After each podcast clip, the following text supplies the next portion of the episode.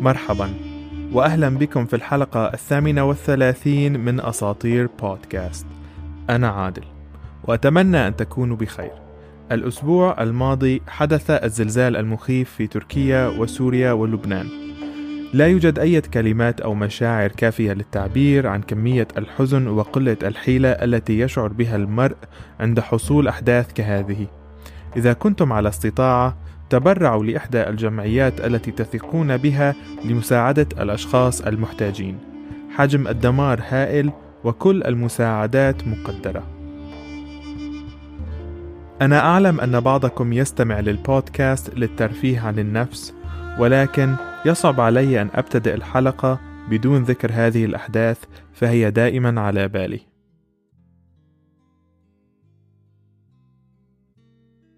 أسطورة اليوم قادمة من قوم السلاف الأصليين لشرق ووسط أوروبا.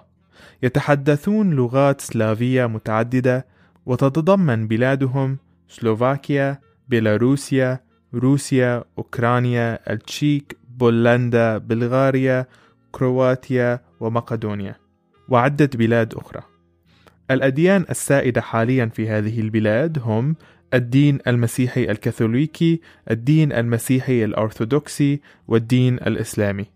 ولكن في الماضي كانت الوثنية وعبادة عدد من الآلهة منتشرة في تلك المنطقة.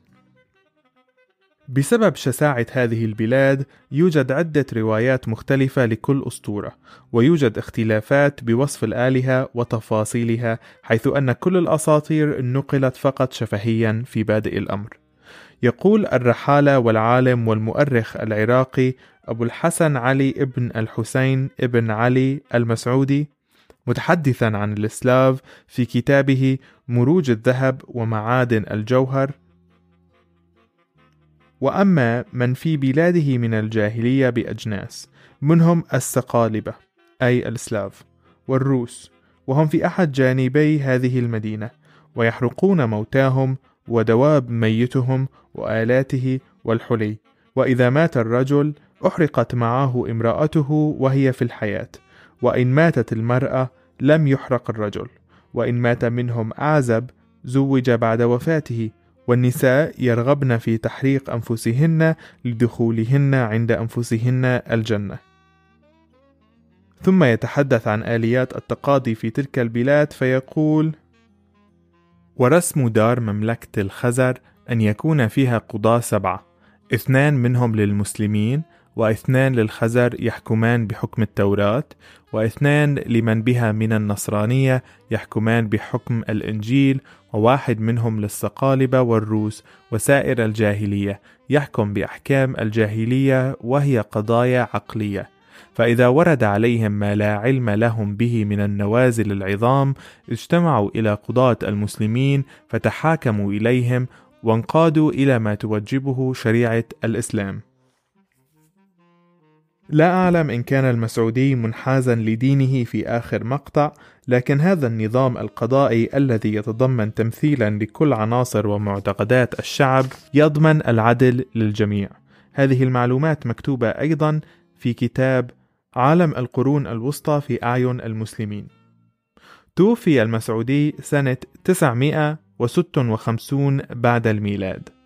حلقة اليوم تتضمن ثلاثة أساطير مختلفة، فاستمعوا إلى النهاية لأن أطرف أسطورة تركتها للآخر.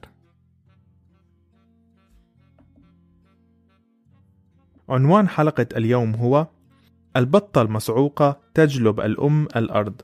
أسطورة الوجود السلافية. تركز جميع الأساطير السلافية على ازدواجية الخير والشر. تقول الأسطورة الروسية أنه في البداية لم يوجد أي شيء في الأكوان سوى بيضة ذهبية محاطة بالظلام العدمي من كل النواحي. كان الظلام محكما قبضته على تلك البيضة لأنه بداخلها جلس راد المقدس. بقوته العظيمة استطاع راد أن يكسر قشرة البيضة شيئا فشيء إلى أن خرج منها بالكامل. بعد أن وجد نفسه خارج البيضة لاحظ أنه محاط بالظلام ولاحظ أيضا أن الظلام موحش ووحيد فكر مليا ما الذي يتوجب عليه أن يقوم به الآن؟ لم يأخذ منه ذلك وقتا طويلا وعلى الفور قرر أن يصنع لنفسه شريكة مباركة لكي لا يكون وحيدا. فخلق الأم لادا آلهة الحب. وبمساعدة حبها العظيم تغلب على الظلام ودحره بعيدا. عندما ابتعد الظلام عنهما وتسرب النور إلى المكان لاحظ أن حبله السري ما زال ممتدا من بطنه إلى ما تبقى من البيضة. وجود الضوء أنتج قوس قزح الأول. فأمسك به وقطع به حبله السري. أصبح راد حرا بالمطلق الآن وبدأ يتلفت فيما حوله. لاحظ أن السماء والبحار كانا متلاصقان تماما فقرر أن يكون فصلهما هو عمله الأول. الخطوة الأولى في إنشاء الكون. نزل من موقعه في الأعالي إلى مكان التصاق السماء بالبحار وبقوته العظيمة أمسك طرف السماء وسحبها إلى الأعلى واستخدم قدماه ودفع بالبحار إلى الأسفل. ثابر على العمل إلى أن فصلهما تماما. عندما انتهى لاحظ أن أغلب الكون كان ملتصقا ببعضه كما كانت السماء مع البحار فتابع عمله وفصل النور عن الظلام الذي كان متلاصقا به وأبعدهما مع بعضهما البعض ثم فصل الحقيقة عن الكذب. وجعلهما متضادان. وعندما انتهى قسم العالم إلى ثلاث عوالم. كان أول تلك العوالم براف مكان سكن الآلهة المقدس وأسكن به النور والحقيقة وجعله مقدسا ومباركا. ثاني العوالم كان ياف وكان يعني الواقع أو المرئي. وجعله العالم الذي نعرفه الآن وأقره مسكنا للمخلوقات والكائنات. وأخيرا أوجد ناف وجعله شئيما ومقيتا وقاتما وأقره مسكنا للخداع والكذب والظلام. وبذلك أعلن راد أن الفضيلة هي الحق والصدق والنور وأن الخطيئة هي الظلام والكذب والخداع. وأقرهما قانونا أزليا للسماوات والأرض. عندما انتهى من أعماله حمل نفسه بنفسه وولد الأرض وأسماها الأم الأرض. ما إن خرجت الأرض إلى الحياة وأخذت أنفاسها الأولى وتلقت الكون بما فيه إلا وهرعت نحو البحار. نزلت في البحر وغطست فيه وسبحت إلى أن وصلت إلى القاع وأعلنته مسكنا لها إلى أجل غير مسمى. فوق سطح البحار كان راد يتابع ما بدأ. بدأ أولا بخلق الشمس من وجهه المشرق بأشعة دافئة ثم خلق القمر البراق من صدره المشع ثم أخرج النجوم والأجرام من عينيه الواسعة ومن بعدها أوجد الشروق والغروب بألوانهما المتعددة من حاجبيه العريضان ثم أوجد عتمة الليل من أفكاره والرياح العاتية من نفسه أما الأمطار والثلج والبرد فخلقهم من دموع عيناه النقية.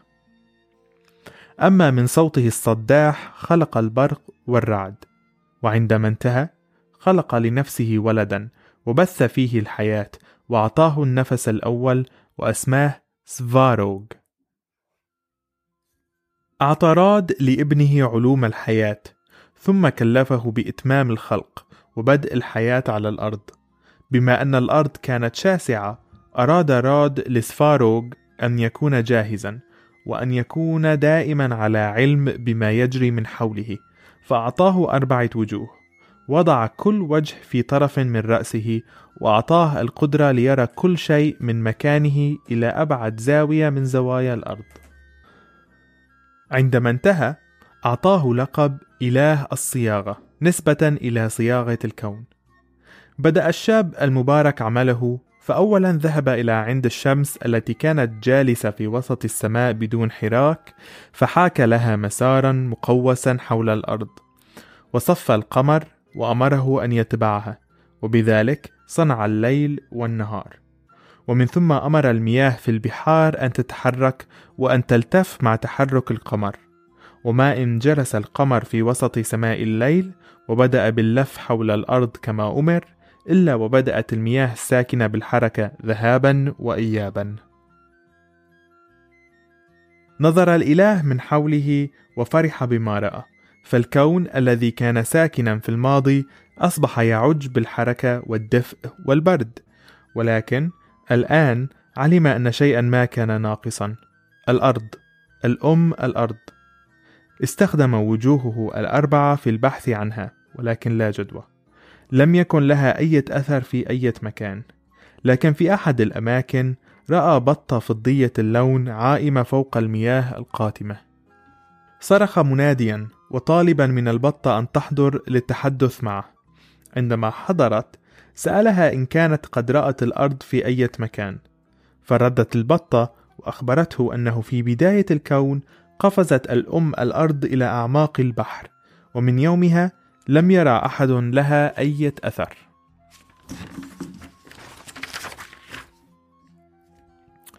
فقال لها سفاروغ أن تغوص في المياه وأن تحضرها له. وافقت البطة. ملأت صدرها بالهواء النقي وغطست تحت سطح المياه. سبحت وسبحت باتجاه الأسفل آملة أن تصل إلى الأم الأرض. ولكن كان صدرها الصغير غير قادر على أن يحمل الهواء الكافي لهذه المهمة فصعدت إلى الأعلى بعد أن قضت سنة كاملة تحت الماء.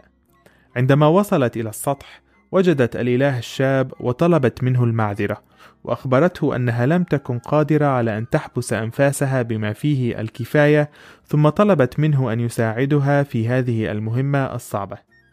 فما كان من سفاروغ إلا أن طلب العون من أبيه رود لبى رود النداء وأرسل لابنه الرياح العاتية فهاجت البحار وارتفعت الأمواج. أمسكت الرياح بالبطة ودفعتها في بطن الأرض مرسلة إياها إلى الأعماق. نزلت البطة وسبحت وغاصت وبعد سنتين عادت إلى السطح وخيبة الأمل واضحة على وجهها. وقفت بين يدي زفاروغ وأخبرته أنها اقتربت من الأم الأرض ولكنها لم تكن قادرة على أن تمسكها وأن تحضرها له. فلم يكن صدرها الصغير قادرا على أن يحمل الهواء الكافي لهذه المهمة. عاد الشاب إلى عند أبيه وطلب منه العون مجددا. فما كان من راد إلا أن أرسل الصاعقة الرعدية وضرب بها جسد البطة محملا إياه بالطاقة.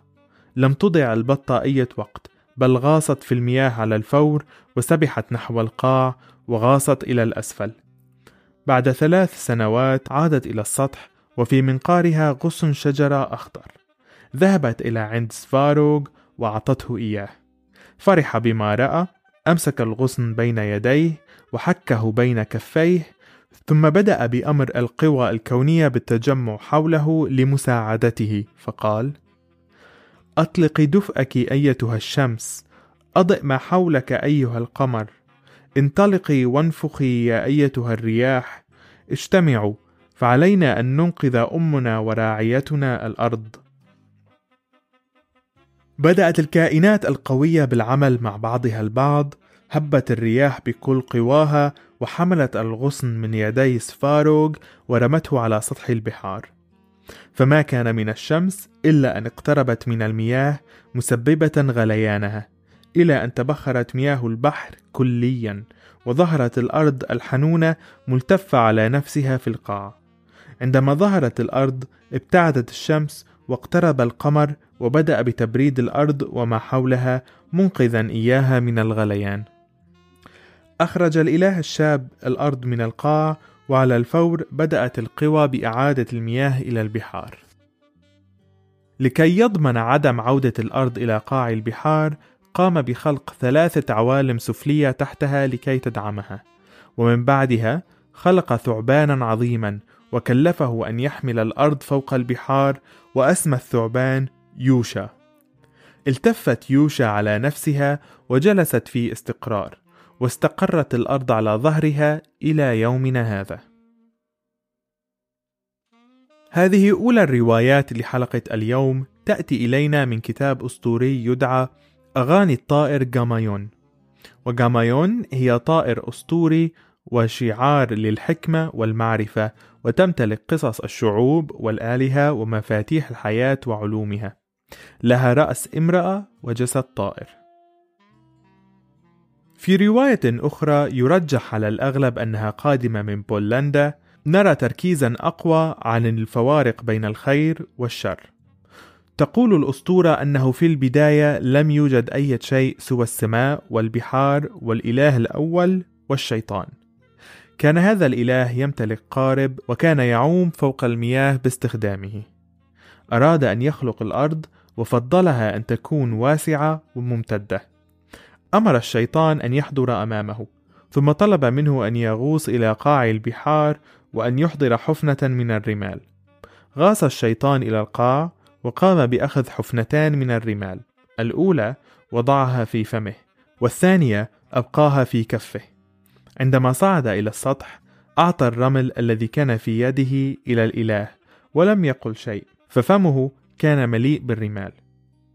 أمسك الإله الرمل وبدأ بنثره على المياه حيثما وقعت حبات الرمل ظهرت الأرض المسطحة. تمددت الأرض وكبرت وكانت مسطحة حيث أنها بالكامل منكشفة على بعضها. بإمكانك أن ترى كل شيء من أي مكان لا يوجد أي عقبة أمامك.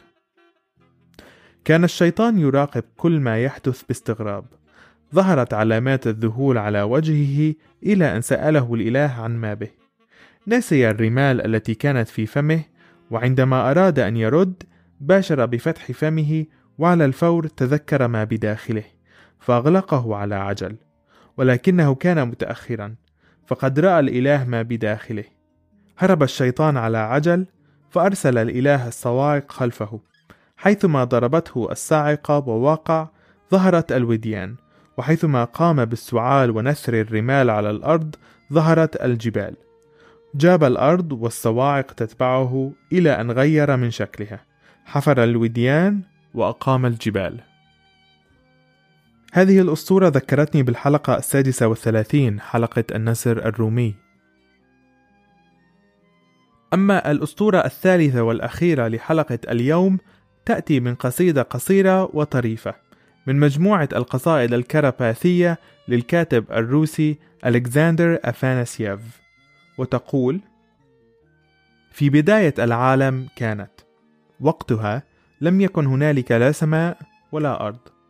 لا سماء ولا أرض ولكن كان البحر الأزرق. وفي وسط البحر كانت شجرة البلوط. كان هنالك حمامتان جالستان. كان هنالك حمامتان على شجرة البلوط. كان مجلسهما رائعا. بسعادة كانا يتناقشان ويهدلان. فقالا كيف لنا أن نخلق العالم؟ سنقع إلى قاع البحار. من هناك سنجلب الرمل الناعم. الرمل الناعم الحجر الأزرق. سنحيك الرمل الناعم. سنحمل البحر الأزرق. من الرمل الناعم الأرض السوداء. المياه الجليدية الأعشاب الخضراء. من البحر الأزرق السماء الزرقاء. سماء زرقاء شمس ساطعة. شمس ساطعة قمر مضيء. قمر مضيء مع كل النجوم. قراءة هذه القصائد الجميلة هو أمر ممتع. أتمنى لو أني أستطيع أن أقرأها بلغتها الأم اللغة الروسية. فالشعر الروسي له سمعة حسنة من بين القراء. ولكني قرأتها باللغة الإنجليزية وترجمتها للغة العربية. إلى هنا انتهت حلقة اليوم. أتمنى أن تكون قد نالت إعجابكم وأن تكونوا بخير حيثما كنتم. كان معكم عادل في أساطير بودكاست.